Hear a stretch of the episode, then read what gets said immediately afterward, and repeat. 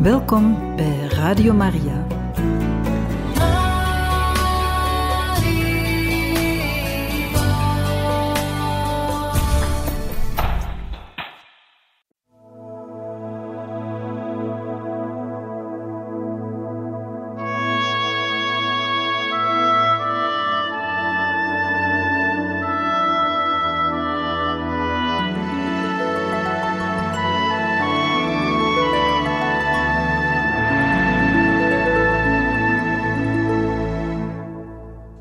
Beste luisteraars van Radio Maria.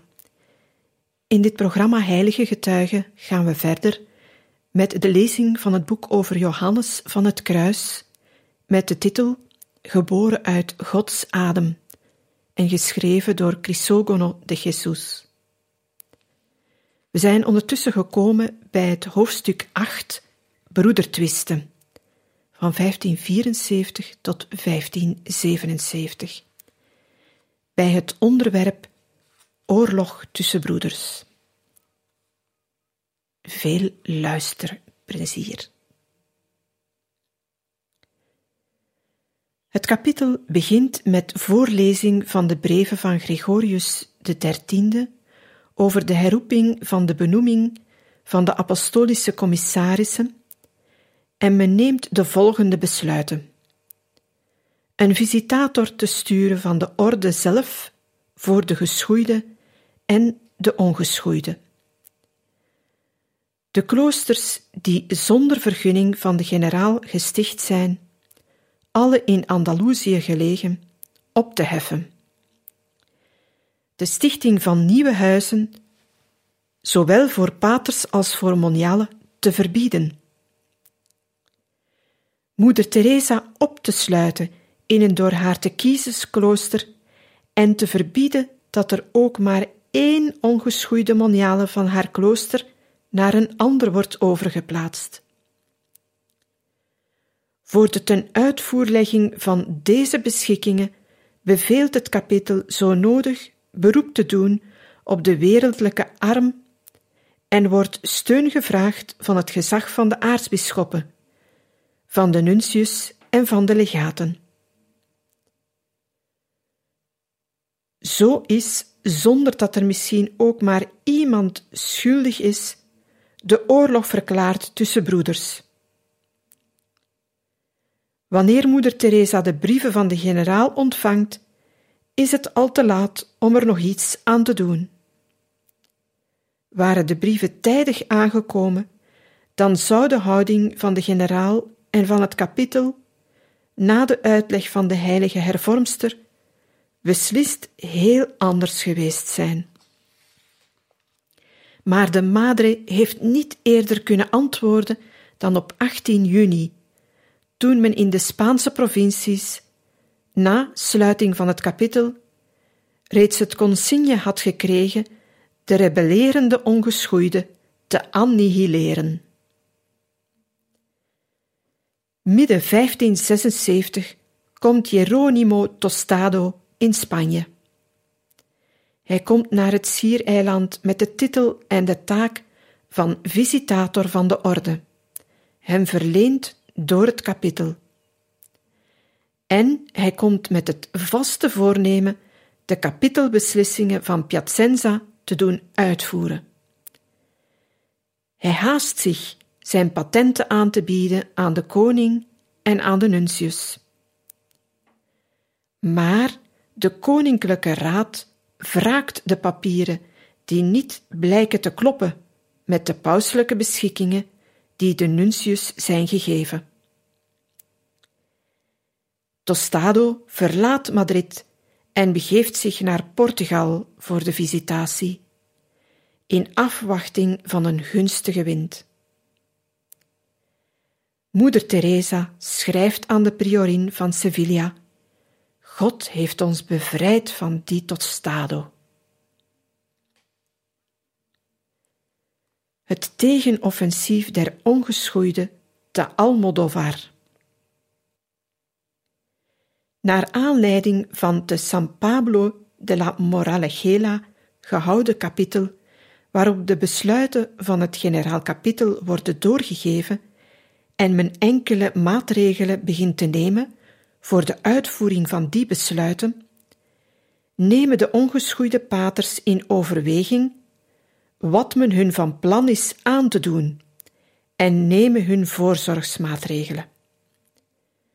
Pater Geronimo Grazian, die reeds in open conflict is met de generaal van de orde, maar die gebonden is door het formele mandaat van de nuntius, dat hem op straffen van excommunicatie de taak van visitator oplegt, roept op 3 augustus een vergadering van ongeschoeide bijeen te Almodovar.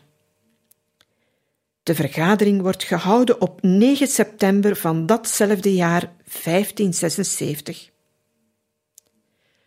Uitgenodigd op de vergadering zijn de negen oversten van de hervormde kloosters: Manchera, Pastrana, Alcalá, Altomira, Granada, La Penuela, Roda, Sevilla en Almodovar.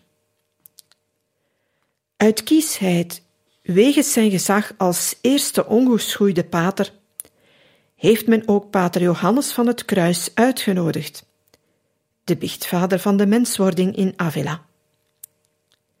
De jonge pater Juan begeeft zich van de oude Castiliaanse stad naar de stad in La Mancha. Voorzitter van het kapitel is Geronimo Gracian, in zijn hoedanigheid van door de nuntius benoemde overste van de ongeschoeide. Na pater Antonio de Jesus te hebben aangewezen als plaatsvervanger van Gracian, in geval van dienstafwezigheid, behandelt het kapitel eerst de constituties die de hervorming moeten leiden. Ze zijn opgesteld door Gracian kort nadat hij door de nuntius benoemd was tot provinciaal van de ongeschoeide en visitator van de geschoeide in Andalusië. Hij had er de instructies in opgenomen die door Antonio de Jesus en Juan de la Cruz waren opgesteld in Duruelo. De instructies die door de generaals Soret en Audet gegeven waren voor de hervorming van de orde, plus wat in praktijk gebracht werd in de kloosters van Castilië en Andalusië.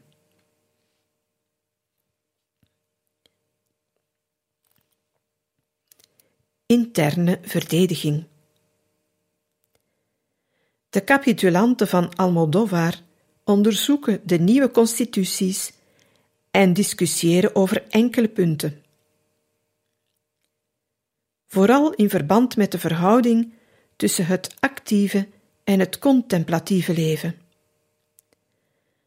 De constituties waren uitermate streng op het stuk van de teruggetrokkenheid uit de wereld bij de ongeschoeide. Bovendien gelasten wij wat het slot en de door de regel voorgeschreven teruggetrokkenheid uit de wereld betreft, dat niemand het huis mag verlaten, behalve de procurator en de predikant wanneer deze gaat preken, of in een of ander ernstig en zeldzaam geval, en om geen enkele andere reden, zelfs niet om verwanten of zieken te begraven, of te bezoeken, of onder het voorwendsel hun biecht te gaan horen. En om een nog grotere afzondering te garanderen, mogen er onder ons geen broeders zijn die door de straten en omliggende streken trekken met aalmoezenschalen of bedelzakken, noch om welk voorwendsel dan ook die een gelegenheid zou zijn tot verstrooiing of vagebonderen.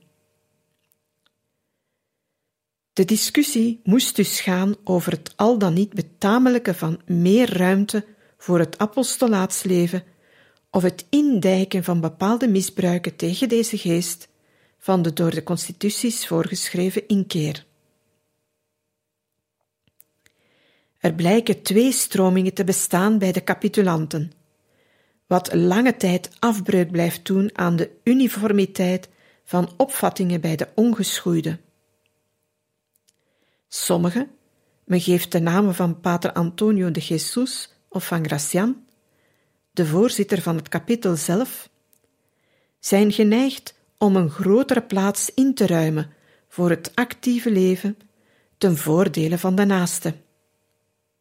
Anderen, de paters Gabriel de la Asunción, Brocardo El Viejo en Francisco de la Concepción, houden vast aan de voorrang voor het contemplatieve leven. Dat is ook de opvatting van Pater Johannes van het Kruis. Alle historici, zowel de eerste biografen van de heilige als de kroniekschrijver van de hervorming, verzekeren dat Juan aandrong op de noodzaak om bepaalde misbruiken in te dijken die onder het voorwendsel van apostolaat waren ingeslopen om aan de teruggetrokkenheid uit de wereld het volle belang te geven dat dit in de constituties had. Hoewel het gezichtspunt van Pater Juan niet helemaal triomfeerde, bereikt hij twee resultaten.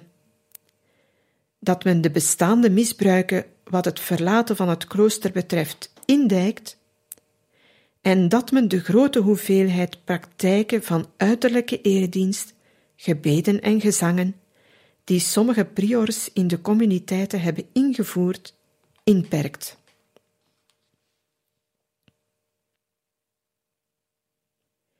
Verdediging naar buiten. Na dit probleem, dat men de interne verdediging zou kunnen noemen, snijdt het kapittel, en het kon wel niet anders, dat van de verdediging naar buiten aan. Men kent nu de besluiten van het generaal kapitel van de geschoeide in Piacenza.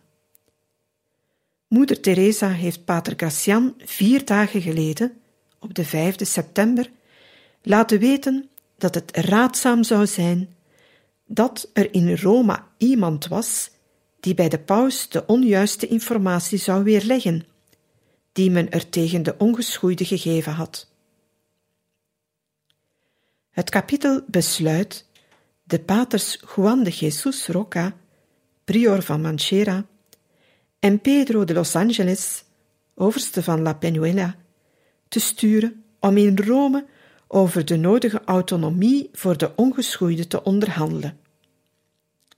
Het is het enige middel om de hervorming te redden. Gezien de houding die alle religieuzen van het laken, van de generaal tot de allerlaatste van hen, tegen haar hebben aangenomen. Alle resoluties beogen de geschoeide voorwensels tot ontevredenheid te ontnemen. Men besluit onder andere dat Johannes van het Kruis zijn taak als biechtvader van de menswording te Avila zal opgeven. Een functie en taak die de paters Karmelieten in de stad zozeer begeren. Misschien heeft Juan het zelf wel voorgesteld, gezien hun gewelddadige houding. Groeiende storm rond Juan. In de eerste dagen van datzelfde jaar, 1576, is er al een schandaal geweest. Pater Valdemoro, prior van het Karmelietenklooster van Avila, heeft Pater Juan en zijn gezel Francisco de los Apostoles met geweld weggehaald uit het huisje bij de menswording en hen gevankelijk weggevoerd naar Medina del Campo. Dat is openlijk gebeurd gepaard gaande met een hele scheldpartij tegen de ongeschoeide biechtvaders, tot grote ergernis van de stad. Deze heeft geprotesteerd tegen dit wederrechterlijk optreden en een uitvoerig memorandum opgesteld dat aan de nuntius gericht werd tegen de geschoeide paters. Ormaneto heeft ingegrepen en op straffe van excommunicatie gelast dat Pater Juan teruggestuurd zou worden naar zijn plaats in Avila, en dat niemand van de geschoeide paters tussen beiden mocht komen in de menswording, zelfs niet om de mis te lezen. Hoe lang heeft die gevangenschap van Juan en zijn medebroeder geduurd? Het moet wel van korte duur geweest zijn, want in februari schreef moeder Teresa aan de generaal van de orde: De ongeschoeiden zijn al teruggekeerd. Men begrijpt evenwel dat na het optreden van de geschoeide paters en de terugkeer van Juan naar de menswording op mandaat van de nuntius de situatie niet anders dan geladen kan zijn. De jonge en zo sober levende biechtvader gaat eronder gebukt. De voortdurende narigheid die men hem veroorzaakt, putte hem lichamelijk uit. Wanneer de moeder hervormster enkele maanden later in het Sint-Josefsklooster in Avila is, kan zij pater Juan vaak zien.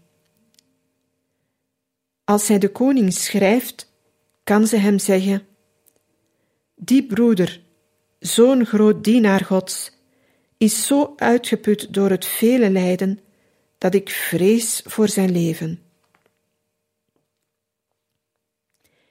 Bij deze stand van zaken begrijpt men de beslissing van het kapitel van Almodovar.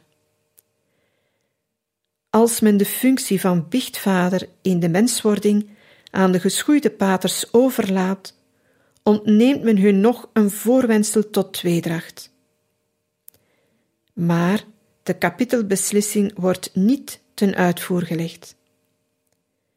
Juan komt terug in Avila en zet zijn taak van biechtvader voort. Welke motieven hebben er gespeeld die het door het kapitel van Almodovar besloten vertrek van Pater Juan belet hebben?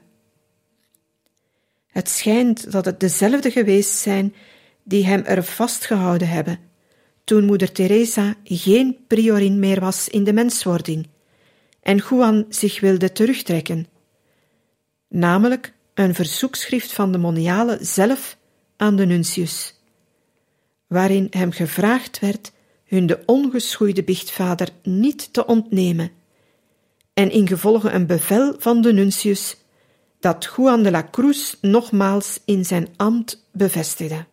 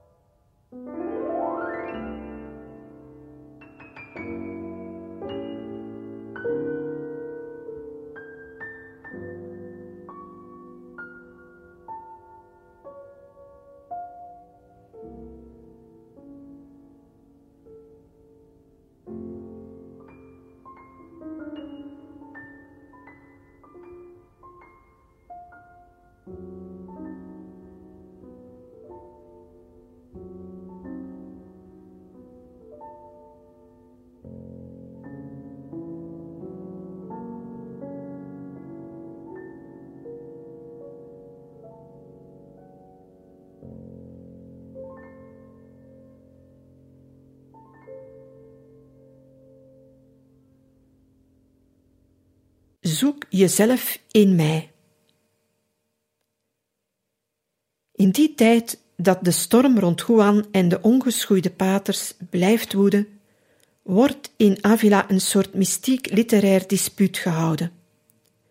Moeder Teresa, die in die dagen naar Toledo gaat, het zijn de laatste dagen van 1576 en de eerste van 1577, had haar broer Don Lorenzo de Cepeda uitleg gevraagd over vier woorden die zij eens tijdens haar inkeer als door God gesproken had. Zoek jezelf in mij. Tevens vroeg ze hem aan sommige mensen wat uitleg over deze woorden te vragen. Lorenzo nam deze vraag ernstig op en legde ze voor aan Teresa's vrienden, Francisco de Salcedo, Julian de Avila en de bisschop van de stad, Don Alvaro de Mendoza.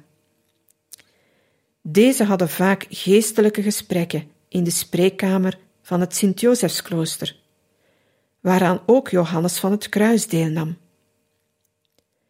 De bisschop besluit dat elk schriftelijk zijn antwoord zal geven. Zo gezegd, zo gedaan. De antwoorden worden verzameld en de bisschop stuurt ze naar Toledo, met de bedoeling dat de madre ze beoordeelt, eveneens schriftelijk. Het onderzoek van de vraag is begonnen in de laatste dagen van 1576. In januari 1577 stuurt moeder Teresa reeds haar kritiek. Met heel veel gratie en bijzonder gevat beoogt ze de geschriften van alle mededingers in het belachelijke te trekken, wat haar ook lukt. Allen hebben volgens de heilige de vergissing gemaakt het te hoog en te ver te zoeken. Al deze heren zijn zo goddelijk dat ze verloren hebben door een kaart te veel in hun spel. Ze steekt vooral de draak met Johannes van het Kruis, die te oordelen naar de woorden van moeder Teresa een hele mystieke verhandeling geschreven moet hebben. Een maatregel die net wat te laat komt. De situatie van Juan is evenwel erger dan ooit. Ingelicht over de vergadering van Almodovar, verdubbelen de paters Karmelieten hun aanvallen op de ongeschoeide paters. Ze zijn vastbesloten de consignes van het kapitel van Piacenza en de concrete orders van Tostado uit te voeren. Ze moeten de vergadering van Almodovar als een uitdaging beschouwen. Een gebeurtenis werkt hun plannen in de hand. De dood van Nuncius Ormaneto, die plaatsvindt op 18 juni 1577. Hij was een van de weldoeners van de hervorming. Heel wat keren had hij de aanvallen van de paters van de gangbare regel op het werk van moeder Teresa een halt toegeroepen. Met zijn verdwijnen dachten de geschoeide terecht nu de vrije hand te hebben. Ze beschouwden de missie van Gracian als beëindigd en die van Tostado als van kracht geworden. Zeker van de steun van de nieuwe nuncius, Monsieur Sega, die achter hen staat, menen ze dat het moment is aangebroken om de hervorming te doen verdwijnen. Juan voorziet de afloop al. Het schijnt zelfs dat hij een speciale openbaring heeft gehad. Hij voorspelt die tenminste enkele dagen tevoren al aan Anna Maria, religieuze van de menswording. Er zijn trouwens al eerder pogingen gedaan. Gewaarschuwd door het volk hebben tal van edelieden op sommige avonden de wacht betrokken rond het huisje van de biechtvaders. Na wat er gebeurd is, en gezien de houding van de geschoeide, voorzien de overste van de hervorming de afloop ook. Om het gevaar dat pater Juan bedreigt te bezweren, besluiten zij hem uit Avila terug te trekken door hem tot prior van Manchera te kiezen. Maar die maatregel komt net wat te laat. Het onweer barst los. De avond van 2 december 1577 hebben Johannes van het Kruis en zijn metgezel. Op dat tijdstip is dit pater German de San Matthias zich al teruggetrokken in hun huisje bij de menswording. Er nadert een troep die bestaat uit geschoeide paters, seculieren en gewapend volk. Ze forceren de deur, werpen zich op Juan en zijn medebroeder, slaan hen in boeien en brengen hen over naar het Karmelietenklooster. De arrestatie moet nogal roerig geweest zijn, want het lawaai ervan is doorgedrongen tot de monialen van de menswording. Waarschijnlijk is de deur bezweken onder de slagen. Juan verzet zich niet tegen zijn arrestatie. Men zegt hem zich als gevangene te beschouwen op bevel van de vicaris-generaal, Pater Tostado. Hij antwoordt met zachtheid: Het is goed, laten we gaan.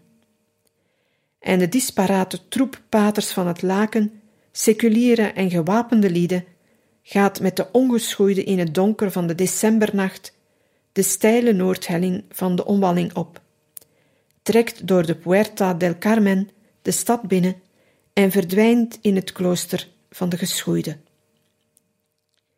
Daar bevindt zich Pater Maldonado, prior van de Karmelieten in Toledo. De vicaris-generaal, Geronimo Tostado, is in Toledo en heeft hem opdracht gegeven zich naar Avila te begeven, om de religieuzen van de menswording te ontslaan van de excommunicatie die hij zelf tegen hen had uitgesproken, omdat zij moeder Teresa als priorin hadden willen herkiezen. Uiteraard heeft pater Maldonado ook opdracht gekregen de twee ongeschoeide biechtvaders uit de menswording te doen verdwijnen. In het Karmelietenklooster gekomen, wordt het tweetal tweemaal gegezeld. Hoe lang precies verblijven de twee gevangenen er? Gedurende een paar dagen heeft men geprobeerd Juan te overtuigen de hervorming op te geven. Men beweert zelfs dat men hem het habit van de ongeschoeide heeft afgenomen en hem gekleed heeft in het habit van de geschoeide. In de tijd dat zij nog in Avila zijn, doet zich de volgende episode voor. Pater Juan maakt gebruik van de onachtzaamheid van zijn bewakers op een ogenblik dat men hem vrijlaat om mis te horen. Hij verlaat het klooster, begeeft zich naar zijn huisje bij de menswording, verschanst er zich zo goed en zo kwaad als het gaat en begint zijn papieren te verscheuren die hij opeet of anderszins laat verdwijnen. De geschoeide paters hebben zijn vlucht bemerkt, zijn hem achterna gelopen en kloppen met alle geweld op de deur. Juan antwoordt van binnenuit: Ik kom, ik kom, een ogenblikje. Men veronderstelt dat hij zelf de deur voor hen heeft opengedaan toen hij klaar was met zijn vernietigingswerk. Is dit niet het moment waarop de woorden van moeder Teresa aan Philips II slaan dat ze hun papieren hebben ontnomen die ze hadden? Het waren heel belangrijke papieren waarin onze heilige madre, de paters Geronimo, Gracian en Mariano en de heilige zelf aangelegenheden van de hervorming en van de hernieuwing van de ongeschoeide behandelde. Het is misschien deze episode die de geschoeide haast deed maken om de gevangenen over te brengen en ze zo van Avila te verwijderen. Pater Valdemoro, prior van Avila, brengt Pater German naar het klooster van San Pablo de la Moraleja, een dorpje in de provincie Avila tussen Arevalo en Medina del Campo. Hij laat hem daar in de kloostergevangenis, keert terug naar Avila en zegt de religieuze van de menswording dat Pater German op een veilige plaats is.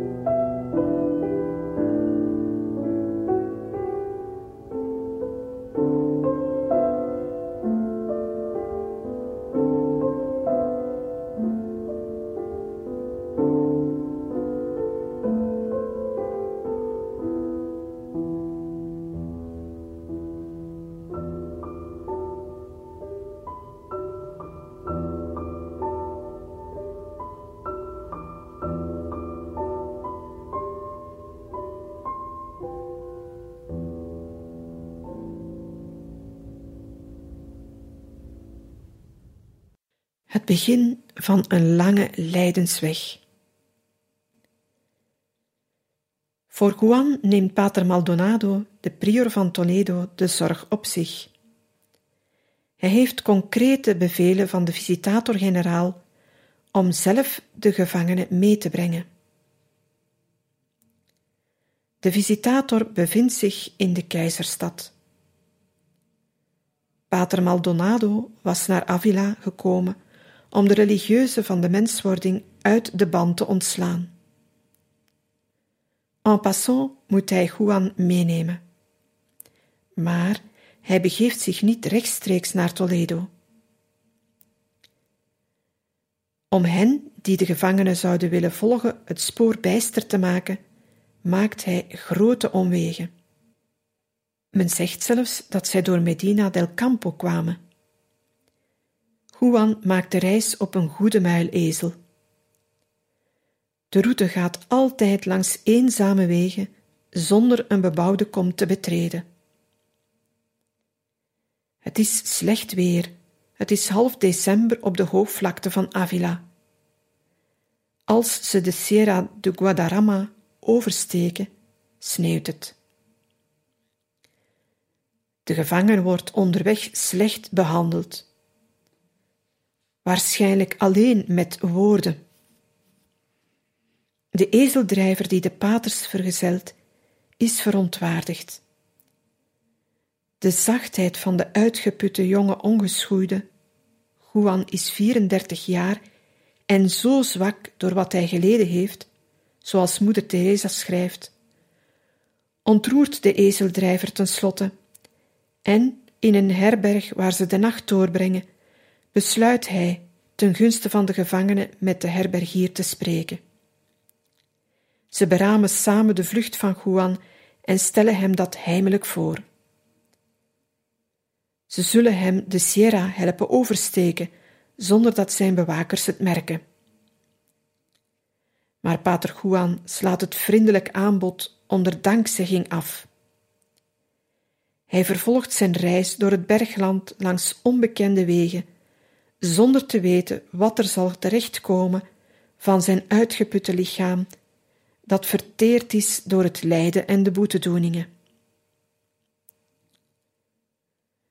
Ondertussen heeft het nieuws over de gevangenneming van de ongeschoeide moeder Teresa bereikt, die zich in haar eerste klooster van Sint-Jozef te Avila bevindt. Ze is daar kort na de gebeurtenissen aangekomen, maar weet geen verdere details dan de woede waarmee de geschoeide paters in het huisje zijn ingebroken. De deur hebben geforceerd en samen met de gevangenen hun papieren hebben meegenomen. De madre is uiterst bang. Men kan alles verwachten van de verschrikkelijk gepassioneerde houding van de paters van het laken.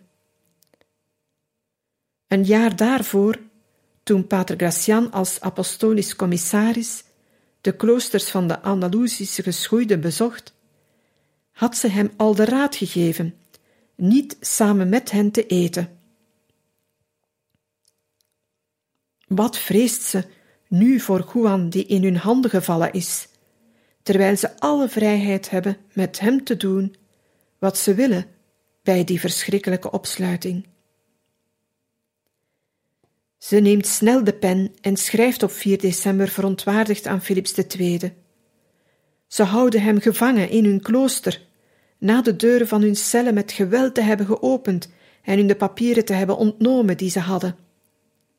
Heel de stad is erg geschokt door hun lef, omdat dit alles zich zo dicht afspeelt bij de plaats waar uw majesteit verblijft. Ze schijnen God nog zijn gebod te vrezen. Het doet me veel leed hen in de handen van die paters te zien, want ze lagen al meerdere dagen op de loer. Ik had hen liever in de handen van de moren gezien, want die zouden hem beter behandeld hebben. En die broeder, broeder Juan, zo'n dienaar Gods, is zo zwak door wat hij geleden heeft, dat ik vrees voor zijn leven. Ter liefde Gods smeek ik uw majesteit, beveel dat ze hen terstond vrijlaten. Ter liefde Gods smeek ik uw majesteit, beveel dat ze hen terstond vrijlaten. Indien uw majesteit niet beveelt daaraan te verhelpen, dan weet ik niet hoe dat zal eindigen, want op aarde hebben wij niemand anders meer. San José de Avila, 4 december 1577 De onwaardige dienares en onderdane van uw majesteit, Teresa de Jesus, Carmelites. Vijf dagen later krijgt de moeder hervormster meer nieuws. Zij weet dat men hen op de dag dat men hen gevangen nam, tweemaal heeft gegezeld en hen zo slecht behandeld als maar kan. Dat de prior van Avila, pater German, naar San Pablo de la Moraleja gebracht heeft, terwijl pater Maldonado, de prior van Toledo, Johannes van het Kruis heeft meegenomen om hem naar Tostado te brengen maar ze weet niet waar. De madre herhaalt wat zij naar Philips II heeft geschreven. Ik zou ze nog liever bij de moren zien.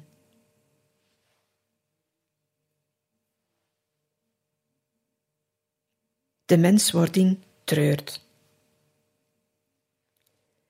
De religieuzen van de menswording delen de gevoelens van moeder Teresa. Vijf jaar lang onder de geestelijke leiding van Pater Juan zijn ze getuigen geweest van zijn liefde, zijn talenten, zijn apostolische geest en zelfs van zijn wonderen. Over de menswording sprekend schrijft de heilige Teresa: De zusters hebben dit gevoeld en voelen het meer aan dan hun eigen moeilijkheden, ook al zijn die groot. Ze zeggen dat het heiligen zijn. In al de jaren dat ze hier waren, hebben ze niets gezien dat niet past bij apostelen. Minstens één, broeder Juan de la Cruz geheten, houden alle voor een heilige. En ik geloof niet dat ze overdrijven. Naar mijn mening is hij een formidabel mens. Ze waren beide aangesteld door de apostolische visitator, een Dominicaan en door de vroegere nuntius. Ze waren afhankelijk van de visitator Gracian. Het is een ongelooflijke dwaasheid. Het is een harde klap geweest. In de menswording is het vooral zuster Anna Maria die eronder lijdt. Zij weet als geen ander wat zij verliest en heel lang nog zal zij de afwezigheid van haar heilige biechtvader betreuren. Maar ze laten het er niet bij, eronder te lijden, en als de madre aan de koning schrijft, richten de religieuzen van de menswording zich op hun beurt gegriefd tot de nuntius. Zij beklagen zich over het onrecht dat hun is aangedaan door hun op zo'n schandalige manier pater te ontnemen, die zijn taak uitoefende op last van Nuncius Ormaneto en van de apostolisch visitator Pedro Fernandez. Op 16 januari is het al dus geformuleerde protest al bij de Koninklijke Raad. Maar de plaats waar Juan gedetineerd is, blijft geheim. Een maand later schrijft moeder Teresa nog: Ik lijd eronder dat ze hen weggebracht hebben en wij weten niet waarheen. Men vreest dat ze hen opgesloten hebben en ik heb schrik voor het ergste. Zelfs de edelvrouwe Dona Guiomar de Ulloa, de grote vriendin van moeder Teresa, weent in Avila over de afwezigheid van haar broeder Juan de la Cruz. Beste luisteraars, we beëindigen hier voor vandaag deze lezing uit het boek over Johannes van het Kruis en we gaan volgende keer verder met hoofdstuk 9, Johannes van het Kruis in de gevangenis, van 1577 tot 1578. Bedankt voor het luisteren, nog een fijne avond en tot volgende keer.